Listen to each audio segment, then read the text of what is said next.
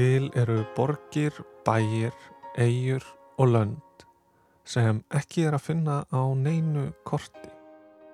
Þangað leggja engir vegir, þangað sigla engin skip og það er ekki hægt að kaupa flugmiða þangað og þar býr engin, nema ég og kannski þú.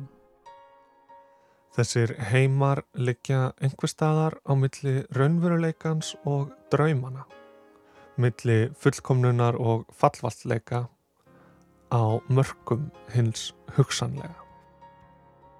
Þeir eru aldrei hér og nú, heldur alltaf rétt handan við hornið. Þessir heimar sem eru öðruvísi og betri en okkar heimur heita einu nafni Utopia. Við erum Tómas og Snorri. Þú ert að hlusta á Hvergiland.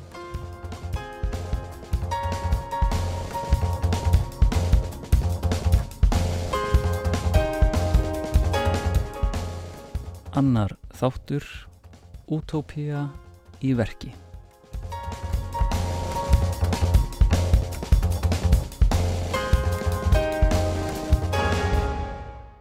Í hvergilandi heimsækjum við útópjur og draumalönd, skoðum hvernig þau verða til og hvaða máli þau skipta. Þegar maður lítur í kringum sig með utopíu gleraugun á nefinu sér maður bæði tækifærin, það er hvernig heimurinn gæti verið og hindrannar sem standa í vegi fyrir því.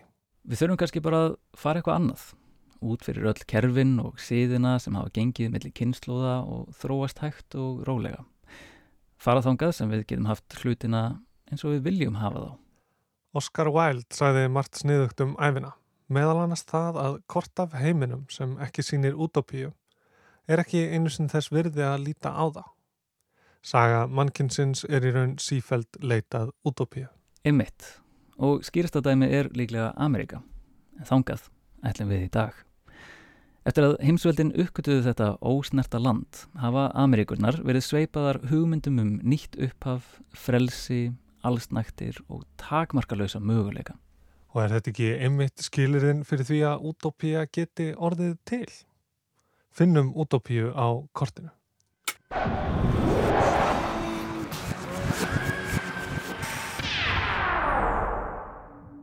Árið er 1786 og við erum stött í nýju Líbanon, litlum bæ í New York fylki. Hér er engin á ferð en undarleg hljóð berast úr reysulegu kvítu húsi. Kíkjum inn. Hér sittur fólk á golfinu í stórum sál. Það syngur og hristir höfuðið. Söngurinn og reyfingarnar magnast smám saman upp og það er eins og fólk fari á flug. Eitt af öðru rýst það á fætur og hverfur inn í sinn eigin heim, baðar út höndunum og snýst í ringi. Söngurinn verður að stunum og bauli hjá þeim sem sitja enn á golfinu og aðrir eru teknir til við að skjálfa. Það virðist allt ætlað að fara úr böndunum en eftir dálitla stund kemst þó ró á mannskapin. Fólk brosir, hlær, kastar hverju hvort á annað og heldur svo aftur til vinnu. Þetta eru Shakers, sérkennilegur trúarsöfnur sem byggði eina af fyrstu útópíum Ameríku. En saga þeirra hefst í skítugu yðnbyltingar bröltinu í vefnaðaborginni Manchester um miðja átjándu öldina. Hvað gerir maður þegar húsakinnin eru lítil og köld, mengunin svífur yfir þröngum hverfunum og skolpið flæðir um göturnar? Hvað gerist þegar afkomamanns sveiplast ekki lengur í takt við ástíðirnar heldur ósnertanlegan alheimsmarkað? Verður maður ekki að bregðast einhvern veginn við? Jú, þegar umhverfið er grátt og líflaust er hægt við að maður verði afhuga veruleikarum eins og hann er. Sækja á nýmið í huganum og reynir kannski að skapa sinn eigin litla heim sem er allavega ekki svona. Trúarsamfélög gegna oft þessu hlutverki og þarna í mannsestur var hópur sem trúði því að Guð talaði beint til þeirra. Ómanúðulegur kapitalismi og almenn vesælt fólks hafði skapað helviti á jörðu, Babylon. En samkvæmt segrunum var endurkoma Krists á næsta leiti. Hinn er síðustu yrðu fyrstir og Babylon myndi falla. þegar himnaríki og þúsundar á ríki Guðs erði loks að veruleika á jörðinni. Þau voru hér um byl 30 sem komu reglulega saman í heimahúsum og tóku á móti heilögum anda með hrópum og köllum, stappi og látum. Og ekki síst skjálta sem lekum líkamæðira. Þaðan kemur nafnið Shakers. Þau voru, svo við segjum það bara hreint út, óþólandi og komist oft í kast við laugin fyrir Ímis uppáttæki. Þegar einn þeirra, unga verkakonan Anne Lee, var látin gista fangagemslur fyrir að raska ró kvildardagsins, varð hún fyrir opinberun. Engin annar en Jésús Kristur kom til hennar og síndi henni inn í henn guðlega heim. Eitt af því sem Ann varð vitni af var syndafallið sjálft. Samkvæmt hefðinni fólst syndin í því að Adam og Eva höfðu óliðnast guði og borðað afvöxtin af trénu. Þetta er ekki rétt, sagði Jésu. Syndin er svo að þau fjölkuðu sér líkamlega, höfðu samræði og eignuðist börn. Þegar Ann var látin laus fór hún beinustu leið á samkomu og söpnuðurinn sá breytinguna sem hún hefði orðið fyrir. Hún ljómaði þar sem hún sæði frá ofinberun sinni og upp frá því varð hún andlegur leiðtögi hópsins. Hér var Kristur komin aftur. Seikararnir sóru skýrlífseið og byðu komu himnaríkis á jörð. En ekkert gerist af sjálfu sér og ef himnaríki er staður á jörðinni, það var það svo sannlega ekki í mannsistir. Árið 1776 lá leiðin yfir hafið í áttina að landi tækifærana. Skipstjórin hefur eflust verið fegin þegar skipið lagðist við höfni í New York og Ann Lee og átta fyldarmenn gengur frá borði. Þau voru óþólandi, muniði, og hann var búin að fá nóg af látanum með þeim. Jável hótanir um að vera kastað fyrir borð máttu sín lítilskakvart staðfestu nýmenningana sem heldu uppteknum hætti. Frá New York fór hópurinn norður með útsjónasemi og með því að leggja eigur sínar í púk gáttu þau leikt 200 egrur, byggt sér bjálkakofa og lært að lifa á því litla sem þau höfðu. Þetta var erfið tilvera, en þau letið ekki á sig fá. Þetta voru jú fyrstu skrefin í áttina að paradís. Við trúarvakningar bylgjuna sem reyði yfir nýja heiminn fjölgaði í hópi sekirana. Ímsir trúbóðar ferðuðust um og frelsuðu fólk en frelsunin varði yfirleitt stutt því veruleikin með öllum sínum áhyggjum, skildum og nautnum bankaði alltaf upp á. Velgengni seikarana má þakka því að þeir buðu upp á leið út. Heila pakkaferð í tilveru þar sem fólk segir skilið við fjölskyldutengsl, hjónabönd og ekki síst tilgangsleysi. Komdu með okkur og við munum byggja paradís. Lifa öll sem eitt í námt við Guð og hvort annað.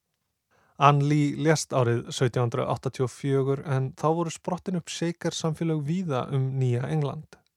Henni hafði tekist að styggja ansi marga á svæðinu með látum sínum, mótmælum og boðskap og ekki síst fyrir það að vera kona sem þorði að predika. En arftaki Lee, James Whittaker nokkur, ákvaða hætta öllu trúbóði. Beina kröftunum frekar inn á við því nú skildu seikararnir vera saminæðir á eitt stað og Paradís Loksens verða að veruleika.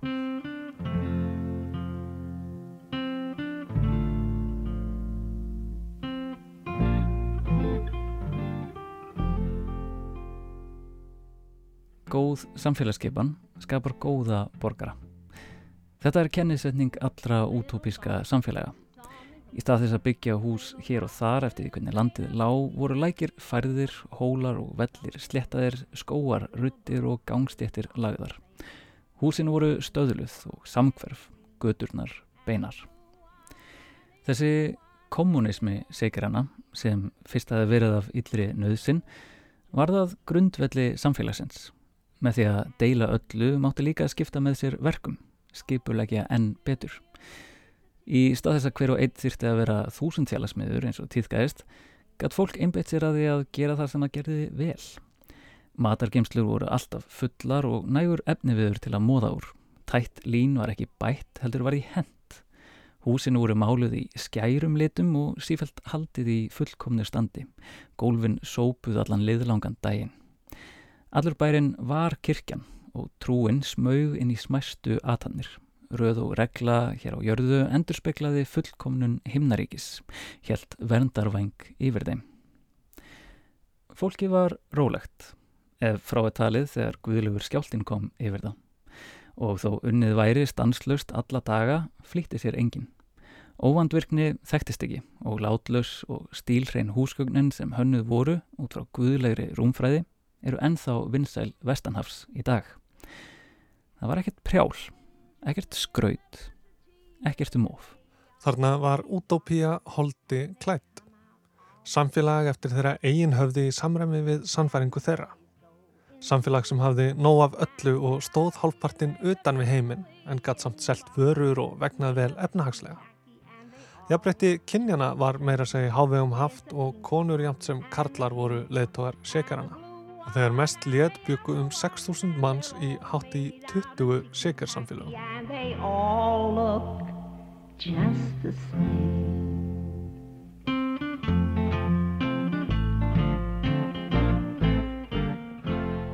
Ég held að við þurfum að stoppa aðeins hérna.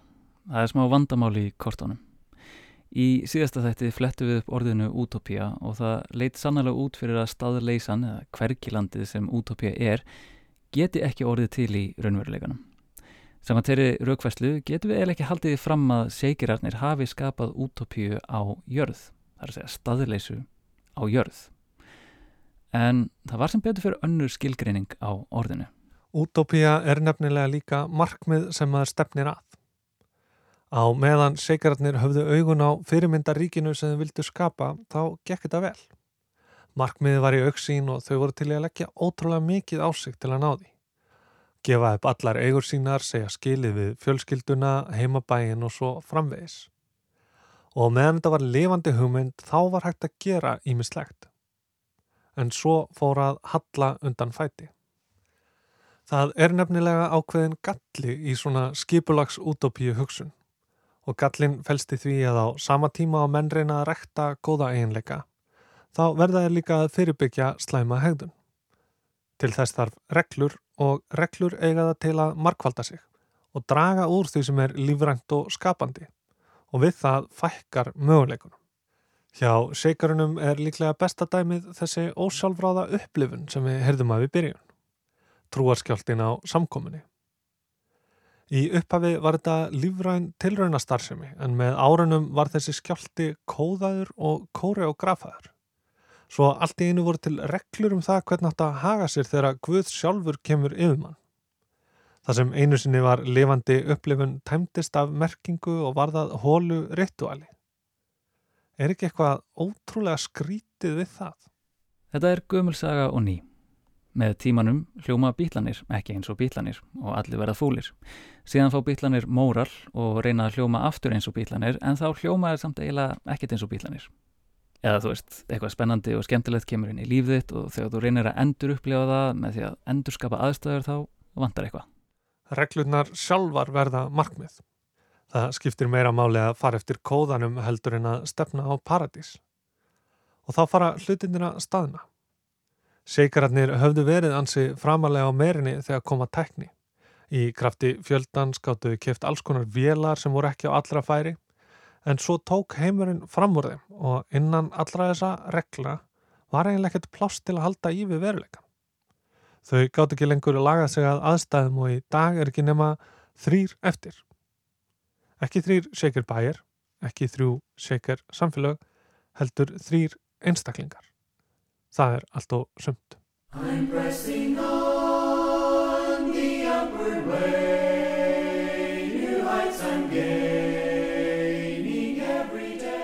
Árið 2018 kom út bókin Women Talking eftir kanadíska reythöndin Miriam Toews.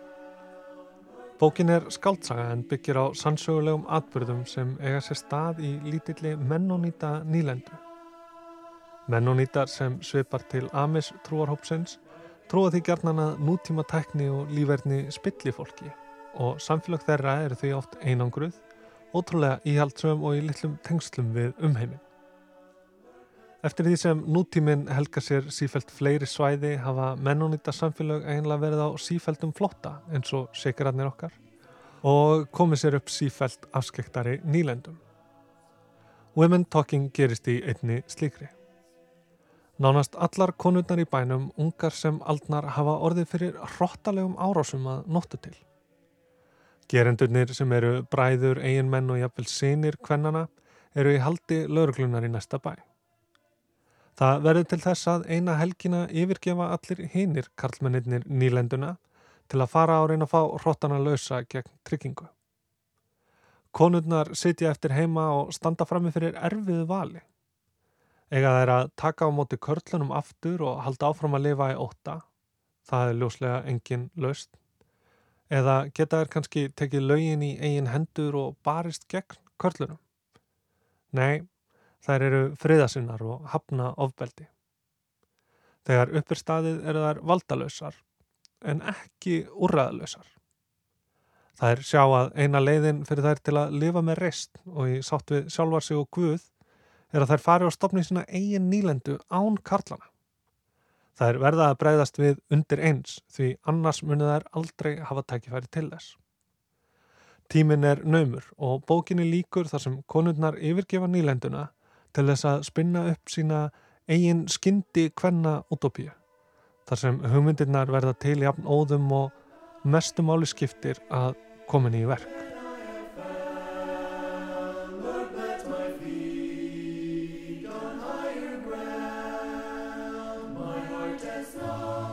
Woman Talking gefur okkur aðeins litla vísbendingu um hvernig slík útópía geti litið út.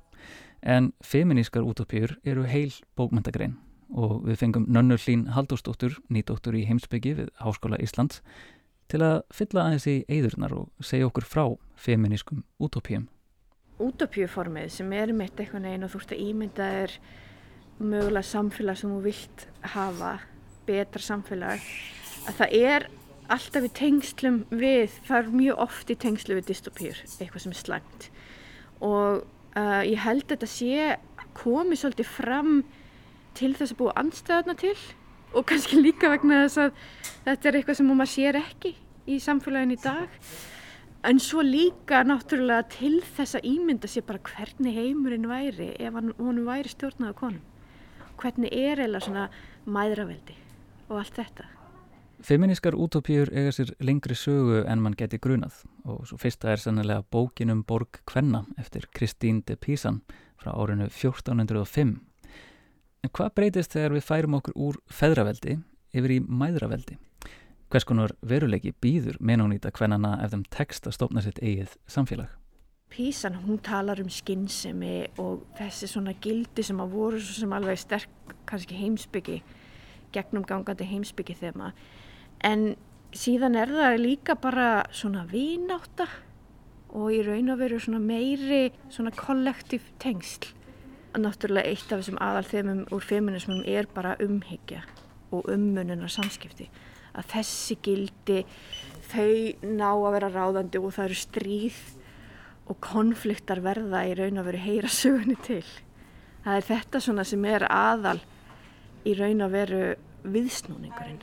Síðan er það náttúrulega líka að kynjamálinn séu kannski ávörpuð á okkur hátt og ef ekki það þá er það náttúrulega út af því við erum að tala um narratífur og sögur þá er það að þú sért með margbreytilega hvern personur og í raun og veru ég myndi nú kannski setja skilgrinninguna aðeins og þarf kannski aðeins meira það þarf kannski aðeins að ávarpa kynjakerfið eða hvaða er. En það er náttúrulega, feminismi er fjölbyrtur á þessu leiti, hann er ekkert alltaf bara að tala um konur og kalla og þessi svona eins og aðskilnaði sem að sér í þessum eldri uh, útopíum er ekkert kannski svona aðal eða bara eitt af mörgum þemum minna feminismu til dæmis. Þannig að þú getur alveg séð feminska útopíu sem að fjallar ekkert endil um það, það er ekkert aðskilnaðar útopíu, heldur meira um bara þessi málefni sem feminismi fjallar um og mér finnst það líka í raun að veru í feminiskum útopíum, þá finnst mér líka að vera út af því eins og önnur bylgi feminisma, hún er í raun að veru umbyltingar baráta sem gengur ekkert bara út á konur heldur bara umbreytingu samfélagsins og það er rosalega stert í öllum útopíunum að það er verið að breyta samfélaginu og það, séu, það eru margar breytur sem skipta máli, ekki bara konur og kallar Í síðasta þætti fjöldluðum við svolítið um Thomas More og gaggríni hans á gaggríni. Hvernig gaggríni rýfur niður og tekur í sundur á meðan útópjur reyna að byggja upp, skapa eitthvað nýtt. Þetta er alls ekki bundið bara við útópju Thomasar More. heldur lifir þetta í baróttu hugsun nútímans og í feminískri heimsbyggi líka. Þegar ég sko þetta hugmyndasögulega að þá tekum maður svolítið eftir því að það eru náttúrulega svolítið umbreytinga tíma núna. Eftir 2008 er náttúrulega byrja mótmæltabyrgjur og það er svo mikið að gerast og þá kemur rosalega mikið þessi hugsun inn að við getum ekki bara verið gaggrinni og á þessu nýfrásiki tímbili þá, höfu, þá var svo mikið sagt við okkur, þú veist við erum með bestu mögulegu framtíðina, það er ekkert annað í raun og veru. En nú hefur opnast rými til þess að ímynda sér aðra, aðra framtíðir og hvað maður vill í raun og veru. Og það er rosa mikið af svona baráttófum sem, sem er kannski að sjá það núna það, það nægir ekki að vera í gagninni. Það þarf líka að reyna að ímynda sér næstu skref og nota útopíuna til þess. Og þannig að það er í raun að vera svona að mörguleiti að ég held ástæðin og maður sér að þessi eh, útopíska eða þessi reyfingi átt á útopíunum hún tengist rosalega mikið aktífismannum hugmyndin um útopíu hún er algjörlega til þess að leifa sér að ímynda sér framtíðina. Þessi útabíuhugsun hún er líka svolítið mikið að koma fram í fræðunum. Það er ekki bara kannski narratífur, heldur er einmitt bara svolítið verið að tala um þetta sem fyrirbæri og, og hvernig við einhvern veginn eigum að, að vera að koma með einhverja tilraunir, tilraunir til þess að ímynda okkur framtíðana eða hvernig, hvernig næstu skrif veru. Og Það er í raun og veru sko, við heldum ráðstöfnu hérna 2017 sem hétt Feminist Utopias, heldum hafi heitt Transforming the Present of Philosophy, þannig að hún var svolítið heimsbyggið miður ráðstöfnan sko, en þá kom alveg ótrúlega vel fram sko að það væri þessi hugsun sem var svolítið svona sterkust, að, að gleima sér ekki bara í gaggrinninni sem að er náttúrulega eitt aðal stef heimsbygginar og í feminískur heimsbygginni þá var það líka hitt að, að hugsa sko hvernig maður ætlaði að gaggrina ef maður ætlaði bara að gaggrina á svona niðurýfandi hátt og koma ekki með dæmum hvað getur orðið betra að þú veist til hvers er það? Til hvers eru við að gera það? Og þá er það í raun að veru að þetta er líka aðferðafræði. Þetta er aðferð til þess að vera bara já þú veist ég er gaggrina á þetta í samtímanum og bara siðferðislega er ég gaggrinn á þetta uh, og hvað, hvað þá? Þá er það í raun að veru, uh, þá myndi ég segja að næsta skrifi sé að gera x og y. Eða þá ef þú ert að gaggrinn einhver aðra mannesku að gera það á uppbygglan hátt og gera það á stíðan, stíðandi hátt sem svona aðferð. Það sem þú bendir á möguleikana út af því að útafjörn gengur svo mikið út af möguleika. Og Þannig að þetta er svona, það, og það er það sem mér þykir útrúlega væntum, þessi svona aðferðafræði og hvernig það er búið að breyta samskiptunum sem er bara, þú veist, út af því að þetta eru umhyggju samari samskipti sem eru komin í ljós og svona, sem sín okkur alla möguleikana, um, sem að, já, sem í raun og veru er að koma með þessari nýju hugsun. Aðstæður mennunýta kvennana eru ekkert einstæmi. Við nútíma fólk í alheimsvætri veröld stöndum á krosskutum. Að okkur stæðja allskynns oknir, vandamálinn markvalda sig og tímin er naumur. Það sem faraldurinn og loftslagsmálinn hafa sínt okkur er að gamla góða viðskipta viðbræðið sem okkur er svo tamt þjónar okkur ekkert sérstaklega vel. Þurfum við ekki að opna aðeins á útópíuna þó hún sé hættuleg, því ekki er okkar venjulegi veruleiki endilega mikið skári. En útópía er hættuleg af því hún er ekki til og að stefna á hana er að ganga ragleiðis í áttinað óvissunni sjálfri. Og það er alltaf hætt við því að hún falli um sjálfa sig. Eins og við vitum reynir skipulags útópíu hugsunin að draga úr óvissunni, setja allt í fyrirfram mótaða kassa og form. Við sáum þetta hjá Tómasi Mór, við sáum þetta hjá Platóni og við sáum þessa tilneyingu hjá segrunum þegar kóðin fór að ákvarða hvað mátti og hvað var mögulegt. Veruleikin tók fram úr þeim og það sem eitt sinn var framsækið og lifandi varð íhaldsamt og slaft. En að ætla sér að sjá allt fyrir áður en maður tekur hefð minnsta skref getur gert það að verkum að ekkert verður úr neinu. Þannig getur útópían ef ekki er rétt með hann að farið líka verið lamandi. Ef konurnar í Women Talking hefði ætlað að búa til fullkomið plan, þá hefðu karlarnir einfallega verið komnir aftur áður en þær kemur nokkur í verk. Allt færi í sama horfið. Þær eruðu aftur undirsettar og misnotaðar, getur þar með ekki stungið af og hugmyndin um eitthvað annað og betra því orðin ómöguleg. Lofslagsmálinn eru svolítið svona í dag. Ef við gerum ekki strax það sem er mögulegt og býðum frekar eftir fullkominni laust, þá er hægt við að það verði allt og seint. En það gerist svolítið magnað ef við lítum á útopíu ekki sem þetta fullkomna plan, heldur sem aðferð eins og Nanna lýsir henni. Engin hugmynd er fullkomin, því er þessi tvöfaldar reyfing, gaggrinni og ímyndunar nöðsynleg til að bræðast við þeim brestum sem óhjákvæmilega gera vart við sig. Þetta er lifandi hugsun.